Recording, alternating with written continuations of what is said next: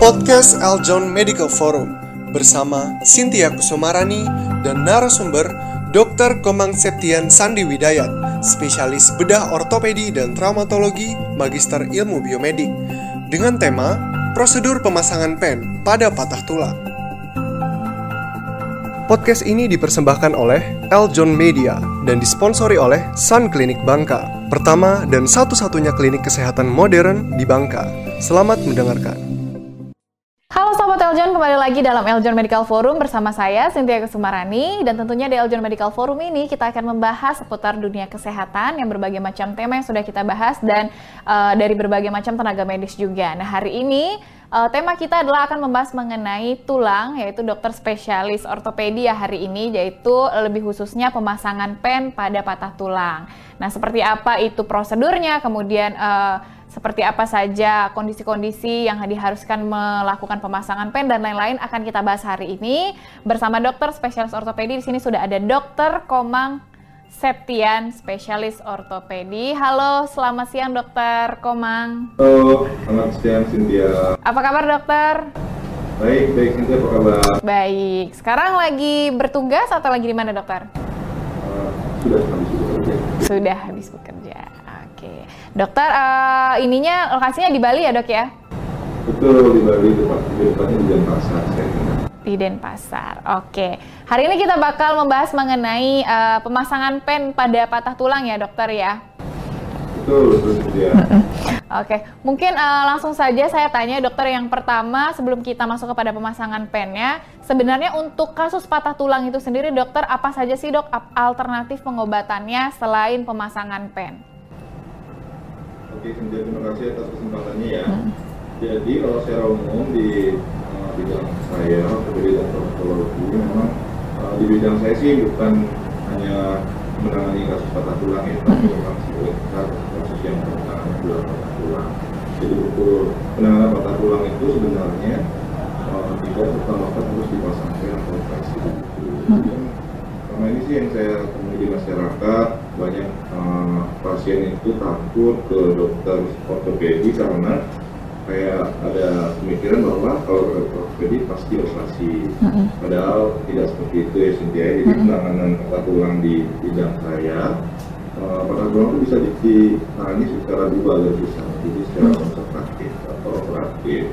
Operatif tadi pun belum tentu harus dipasang pen. Ada yang operatif tapi tanpa pen. Kalau yang konservatif ya memang benar-benar tanpa tindakan pencegahan.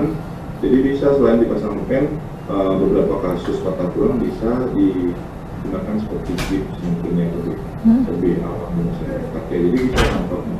Jadi uh, semoga dengan adanya acara yang di oleh Cynthia ini jadi masyarakat tahu bahwa nggak semua patah tulang harus dipasang. Oke, jadi eh, ada solusi yang lain ya dokter ya selain eh, dilakukannya pemasangan pen.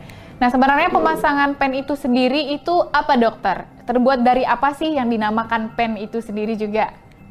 Oke, jadi kalau uh, di masyarakat sih disebutnya pen ya. Jadi kalau di bidang ortopedi sebenarnya itu adalah semua uh, bahan yang dipasang di tubuh uh, pasien kita sebut implan sebenarnya ya. Jadi implan atau pen di ortopedi itu ada banyak jenisnya, banyak fungsinya dan uh, dari segi bahan pun dia berbeda-beda gitu gitu ya. Tapi secara garis besar uh, bahan yang umum digunakan di bidang ortopedi ada yang dibuat dari stainless steel uh, dan ada yang dibuat dari bahan titanium. Itu yang uh, dua komponen utama yang banyak digunakan di dunia ortopedi. Jadi jenis-jenis pennya pun berbeda-beda. Ada yang pen dipasang uh, menempel di atas tulang dan ada beberapa implan yang kita pasang uh, untuk uh, masuk di dalam tulang itu sendiri. Jadi uh, uh, bahan, uh, fungsi dan desain dari implan itu sendiri berbeda-beda tergantung uh, kasus yang kita hadapi. Gitu. Oke, berarti pemilihan tipe pennya sendiri pun dan bahannya tergantung kepada eh, kondisi tulangnya atau seperti apa dokter? Betul, jadi misalnya kita menangani kasus patah tulang pada anak-anak, pada patah tulang pada dewasa, dan patah tulang pada orang tua, walaupun lokasinya sama, misalnya di hmm, pertengahan kaki atau tulang paha gitu misalnya, ya, eh, pemilihan implannya atau pennya bisa berbeda-beda walaupun lokasi patahnya sama karena uh, perlu diketahui uh, sifat atau kualitas tulang pada usia yang berbeda itu tentu berbeda pada hmm. anak-anak tentu dia pertumbuhannya sangat cepat pertumbuhannya juga sangat cepat hmm. Pada orang dewasa tulangnya memang sudah kuat dia sudah tidak tumbuh lagi. Sedangkan pada orang uh, tua kita tahu bahwa mereka sudah mengalami proses penuaan jadi kualitas tulangnya adalah sangat uh, kropos atau rapuh. Jadi pemberian implannya juga harus kita sesuaikan dengan kualitas tulang itu sendiri walaupun patahnya di lokasi yang sama. Jadi misalnya pada anak-anak kita masih bisa uh, tanpa operasi gitu ya atau pemasangan implan kita hmm. pilih implan yang mungkin bahannya bisa stainless steel atau implan yang dimasukkan ke dalam tulang itu sendiri pada orang dewasa kita bisa pilih uh, implan yang berbahan stainless steel tapi pada orang tua atau yang tulang sudah propos kita lebih prefer memilih bahan uh, implan yang dari titanium karena uh, sifat dan uh, sifat dan kualitas implannya juga menentukan hasil dari operasi nanti. Oke, baik. Nah, kemudian dokter, uh, tadi kan juga sudah dibahas ya dokter ya bahwa patah kasus patah tulang itu tidak selalu solusinya adalah uh, pemasangan pen. Nah, kondisi seperti apa dokter pada pasien yang uh, dinyatakan tuh harus dilakukan pemasangan pen ketika dia patah tulang? Oke, pertanyaan itu bagus sekali ya karena hmm. uh, seperti saya bilang tadi itu masyarakat atau pasien itu sering sekali takut untuk datang ke dokter spesialis ortopedi karena berpikir bahwa dia harus operasi. Karena kita tahu sendiri pasien itu di Indonesia sih secara khusus saya sebutkan bahwa pasien itu uh, ada rasa khawatir yang berlebihan terhadap operasi, takut lah kita bilangnya dengan mendengar kata operasi saja pasien sudah takut duluan uh, menolak untuk dilakukan operasi. Padahal seperti tadi tidak semua kasus patah tulang harus dioperasi. Jadi beberapa indikasi uh, yang harus dilakukan operasi, misalnya patah tulang yang disertai dengan luka. Jadi waktu misalnya ada pasien kecelakaan, jadi patah tulang disertai luka pada uh, daerah sekitar patah tulang. Jadi kasus seperti itu kita sebut dengan patah tulang terbuka. Jadi harus atau wajib dilakukan operasi karena kita harus membersihkan luka yang terjadi tadi untuk mengurangi resiko terjadi infeksi. Itu salah satu indikasinya. Indikasi lainnya yang uh, harus dilakukan operasi adalah seperti patah tulang yang mengalami pergeseran yang besar atau jauh. Jadi kalau tidak diperbaiki secara operasi dan tidak dipertahankan dengan pemasangan implan, hmm. nanti posisi penyembuhan dari uh, patah tulang itu tidak akan baik jadi akan mengganggu dari fungsi atau pergerakan dari ekstremitas atau kaki yang cedera gitu Cynthia. Oke baik. Uh, apakah ada umur maksimalnya dok untuk orang-orang yang uh, boleh dilakukan pemasangan gitu dokter? Hmm jadi betul seperti tadi saya jelaskan sebenarnya kalau umur maksimal sih tidak ada ya tapi hmm. seperti tadi kita harus sesuaikan uh, bahan atau pilihan implan atau pen yang akan kita pasang dengan kualitas tulang dari pasien itu sendiri. Hmm. Misalnya khususnya pada usia lansia atau lanjut usia hmm. pasien mengalami patah tulang di tulang paha, uh, kita harus menggunakan implan yang sifatnya atau bahannya berbahan titanium karena uh, bahan titanium uh, memang memiliki kualitas yang lebih baik daripada bahan stainless steel untuk uh, pada tulang-tulang yang lebih keropos daripada uh, orang tua. Jadi sebenarnya usia maksimum pemasangan implan itu ya tidak ada. Jadi kita uh, benar-benar harus menyesuaikan bahan yang akan kita pasang dengan kualitas tulang dari pasien itu sendiri. Oke, okay. kalau untuk anak-anak seperti apa dokter? Nah anak-anak ini emang unik ya, saya, saya bilang ya karena uh, kita tuh nggak boleh berpikir bahwa anak-anak itu adalah miniatur dari orang dewasa. Jadi anak-anak itu bukan uh, orang dewasa versi mini, jadi gitu ya. Jadi anak-anak itu memiliki uh, metabolisme, sifat dan kualitas tulang yang berbeda dengan orang dewasa. Contohnya anak-anak itu mempunyai uh, tingkat penyembuhan uh, patah tulang yang sangat cepat dibandingkan orang dewasa. Misalnya orang dewasa mengalami suatu patah tulang membutuhkan waktu sekitar 4 sampai 6 bulan untuk sembuh. Pada anak-anak bisa setengahnya, bisa 2 sampai 3 bulan sudah mengalami uh, penyembuhan tulang. Jadi kita harus berpikir bahwa anak-anak ini berbeda dengan orang dewasa. Jadi hmm. uh, penanganan patah tulangnya pun sangat berbeda dengan orang dewasa. Misalnya pada orang dewasa uh, harus dilakukan operasi, pada anak-anak belum tentu. Pada anak-anak itu lebih sering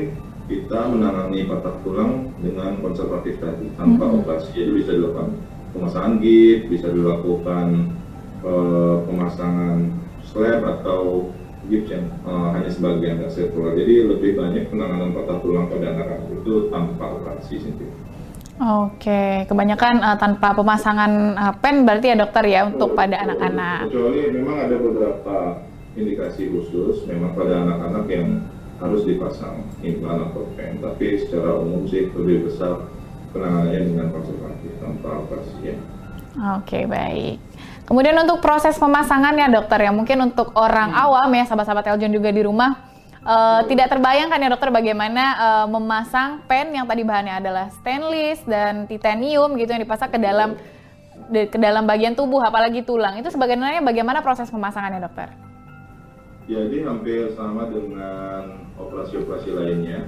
Pasti pemasangan implan ini memerlukan proses pembedahan ya atau hmm. surgery gitu ya. Jadi pembedahan yang tentu kita mengikuti kaidah-kaidah ilmu kedokteran di mana hmm. pasien sebelumnya sudah kita persiapkan dengan matang untuk proses pembiusan sebelum dilakukan pembedahan kemudian di waktu kamar operasi dilakukan pembiusan jadi pasien tidak merasakan nyeri sama sekali saat operasi kemudian saya sebagai dokter bedah ortopedinya akan melakukan uh, pembedahan uh, di lokasi terjadinya patah tadi. Kemudian setelah kita lakukan pembedahan, kita akan koreksi atau perbaiki uh, posisi tulang yang terjadi patah tadi sebaik mungkin untuk mencapai fungsi yang baik setelah dilakukan pemasangan implan dan setelah tulangnya nanti sembuh gitu. Jadi mm -hmm. pemasangan implan ya harus melakukan dengan pembedahan. Mm -hmm. Nah, dengan kemajuan teknologi implan sekarang, jadi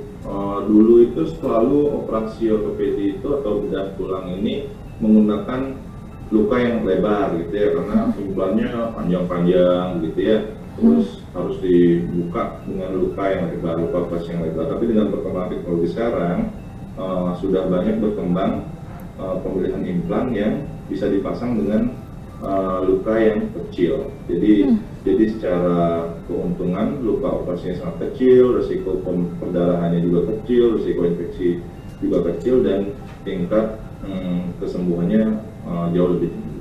Jadi dengan perkembangan teknologi bisa dilakukan operasi dengan luka yang sangat kecil. Oke, baik. Berarti uh, persiapan sebelum dilakukannya paling yang tadi uh, ada pembiusan dan lain-lain ya dokter ya tidak ada hal-hal yang perlu dipersiapkan secara khusus. Enggak, enggak ada. Hmm. Oke. Nah kemudian dokter uh, kebanyakan dokter ada yang merasakan sakit ya dokter ketika sudah dipasang pen gitu. Setelah dipasang pen, sebenarnya apa yang menyebabkan rasa sakit ini dokter? Jadi kalau uh, setelah pemasangan pen, uh, kalau memang sudah terjadi penyembuhan tulang, misalnya tulang sudah uh, nyambung dengan baik, hmm. tapi pasien merasakan nyeri, itu biasanya sih memang reaksi tubuh terhadap implan ya, hmm. karena memang uh, itu memang tidak bisa kita prediksi. Jadi masing-masing pasien atau kita memang memiliki respon yang berbeda-beda terhadap uh, bahan implan. Kan memang uh, semua bahan yang kita pasang itu akan dianggap benda asing oleh tubuh. Jadi tubuh itu akan merespon uh, dengan sistem imun yang kita punya masing-masing. Jadi kalau memang sistem imun uh, tubuh pasien itu sangat sensitif, hmm. bisa saja terjadi reaksi imun, reaksi kekebalan tubuh terhadap bahan implan itu sendiri yang bisa menimbulkan gejala-gejala seperti nyeri atau hmm. alergi atau pembengkakan. Yang paling sering memang uh, pasien uh, merasakan ada rasa ngilu atau nyeri di sekitar implan yang sudah dipasang. Tapi tidak selalu terjadi seperti itu. Jadi hmm. banyak juga pasien yang setelah operasi tidak walaupun sudah dipasang. Hmm, Oke, okay. berarti tergantung ya dokter ya balik lagi ke pasiennya ada yang merasa sakit, ada juga yang Betul. enggak. Betul. Oke. Nah untuk pemasangan pen itu sendiri dokter di tulang pada bagian tubuh mana aja dokter yang bisa dilakukan? Apakah ada bagian-bagian tertentu yang tidak bisa dilakukan pemasangan pen? Untuk sekarang dengan perkembangan teknologi hampir semua uh, tulang uh, sudah tersedia implan yang spesifik. Jadi jadi setiap uh, bagian tubuh kita ini sudah hmm, di, disiapkan atau didesain pen atau implan yang memang khusus dipasang di bagian tersebut. Misalnya fraktur di pergelangan kaki gitu kita bilang ya. Tentu saja tulang di pergelangan kaki dengan tulang di tangan atau di tulang paha kan berbeda bentuknya. Jadi dengan perkembangan teknologi sekarang, produsen-produsen implan itu atau produsen pen itu sudah menciptakan desain pen yang memang spesifik untuk dipasang di pergelangan kaki atau untuk dipasang tulang paha bagian uh, distal atau yang dekat dengan kesendian karena uh, secara umum uh, desain-desain pen yang spesifik itu adalah desain-desain pen yang akan dipasang di tulang-tulang yang dekat kesendian karena bentuk kesendian masing-masing tubuh kita berbeda. Mm-hmm. jadi perlu suatu implan yang memang mengikuti bentuk dari tulang itu sendiri jadi kalau dia tanya tulang apa saja hampir semua tulang sekarang sudah ada uh, pennya masing-masing Oke, baik. Kemudian dokter untuk uh, masa penyembuhannya sendiri dokter setelah dilakukan pemasangan pen itu kira-kira berapa lama dokter untuk bisa sembuh? Nah bagus juga pertanyaannya kadang-kadang pasien juga nanya begitu, kapan -hmm. saya boleh jalan lagi misalnya gitu kalau patahnya -hmm. di kaki gitu ya. Jadi selalu saya menjelaskan bahwa uh, kembali tergantung dari usia pasien itu sendiri. Jadi misalnya kalau anak-anak yang mengalami patah, jelas dia akan memiliki waktu penyembuhan yang jauh lebih pendek hmm. daripada dewasa atau orang tua. Jadi seperti tadi dari sebesarnya sih hmm. anak-anak itu biasanya memerlukan waktu yang dua kali lebih cepat. Misalnya hmm. pada orang tua mengalami patah tulang paha, dia memerlukan waktu enam bulan untuk penyembuhan. Pada anak-anak bisa tiga bulan sudah bisa kembali berjalan. Pada orang tua dua kali. Jadi dan tergantung lokasi patahnya juga sendiri. Jadi hmm. misalnya di ekstremitas atas seperti bahu atau lengan ini memiliki tingkat penyembuhan tulang yang lebih cepat dari uh, kaki. Jadi kalau yang patah adalah di tangan atau lengan itu penyembuhannya lebih cepat lebih. Tentu saja sih nanti hmm. uh, setelah operasi kita akan evaluasi lagi ya biasanya hmm. setiap satu atau dua bulan kita lakukan X-ray atau ronsen. Hmm untuk melihat apakah tulangnya sudah mengalami penyembuhan atau tidak. Kalau memang sudah, kita pasti akan segera berikan pasien untuk melakukan aktivitasnya seperti sebelum kejadian. Oke, okay. tapi ada nggak sih dok yang perlu dihindari gitu supaya cepat sembuh gitu dokter entah itu dari segi makanan kah atau apa pun yang kira-kira harus dipantang supaya cepat sembuh? Betul bagus pertanyaannya. Jadi uh, memang ada beberapa substan atau zat-zat yang secara ilmiah sudah terbukti akan menjadi penghambat untuk terjadinya penyembuhan tulang. Mm-hmm. Salah satunya yang paling sering adalah uh, merokok. Jadi saya sarankan ke pasien yang memang sebelum terjadi pada merokok harus berhenti merokok. Jadi nggak boleh sama sekali merokok karena memang sudah secara penelitian mm-hmm. sudah kita bahwa merokok itu sangat mengganggu proses penyembuhan tulang. Jadi uh, walaupun sudah dipasang pen, tulangnya yang patah tadi tidak mau tumbuh. Jadi harusnya dalam enam bulan dia sudah bisa berjalan. Pada pasien-pasien hmm. merokok ini enam bulan uh, tulangnya bahkan sama sekali tidak tumbuh di bagian yang patah. Hmm. Malah bisa terjadi resiko uh, pennya yang patah implannya yang akan patah. Jadi hmm. nanti pasien memerlukan uh, tindakan operasi lagi yang tentu saja risikonya jauh lebih besar daripada operasi yang pertama.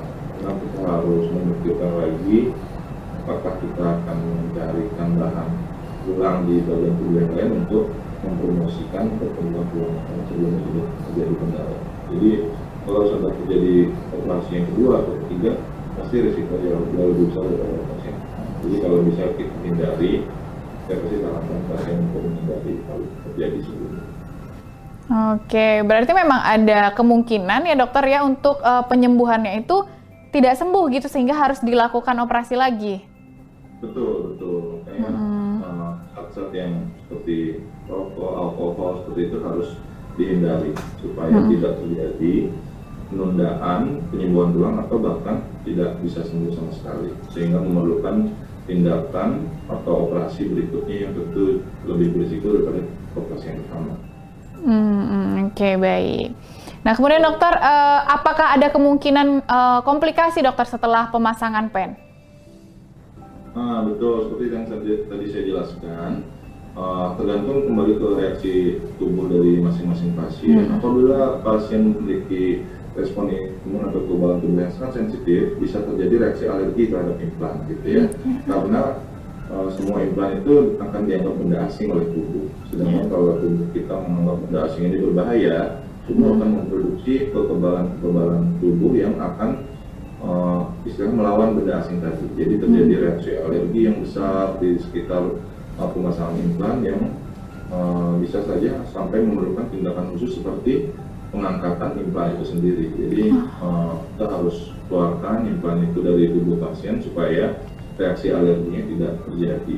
Kemudian resiko-resiko lain uh, secara umum sih resiko pembedahan ya Cynthia ya. Resiko pembedahan itu secara umum bisa kita sebutkan sebagai terjadi infeksi karena kita membuka luka pada tubuh pasien, kemudian eh, risiko perdarahan yang terjadi karena uh, kita melakukan pembedahan. Hmm. Tapi tentu segala risiko-risiko itu bisa kita manage ya, dengan hmm. persiapan yang baik, dengan pemberian antibiotika sebelum operasi dan uh, dengan teknik operasi yang sudah kita pelajari sebelumnya. Jadi risiko-risiko itu sebenarnya tetap uh, bisa terjadi tapi bisa kita manage dengan persiapan yang baik.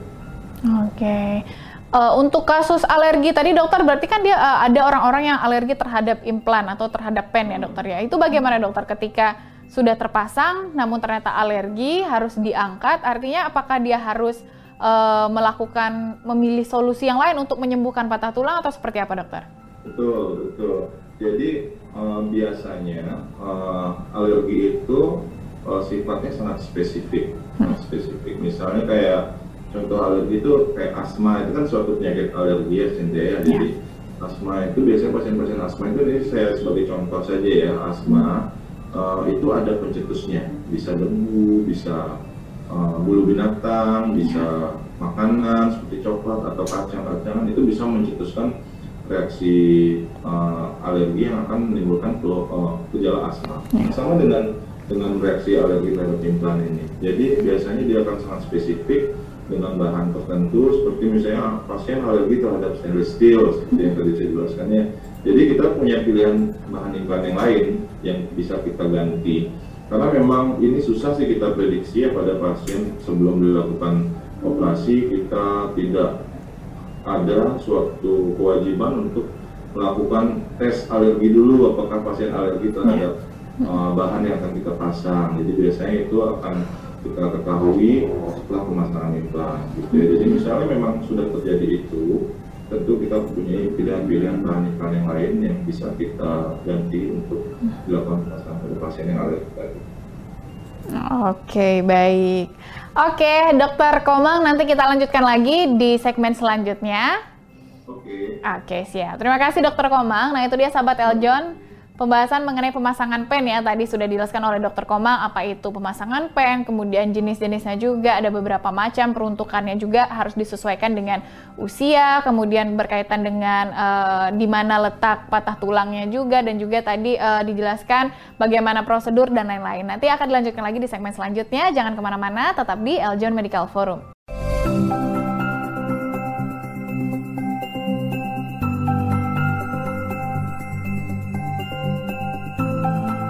Terima kasih telah mendengarkan podcast Eljon Medical Forum, persembahan dari Eljon Media dan disponsori oleh Sun Clinic Bangka, pertama dan satu-satunya klinik kesehatan modern di Bangka. Jangan lupa ya, follow podcast Eljon Medical Forum di Spotify.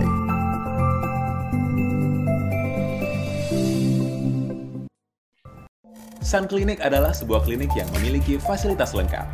Memiliki ruang tunggu, Sun Clinic membuat 6 ruang praktek umum Praktek dokter umum dibuka setiap hari 24 jam.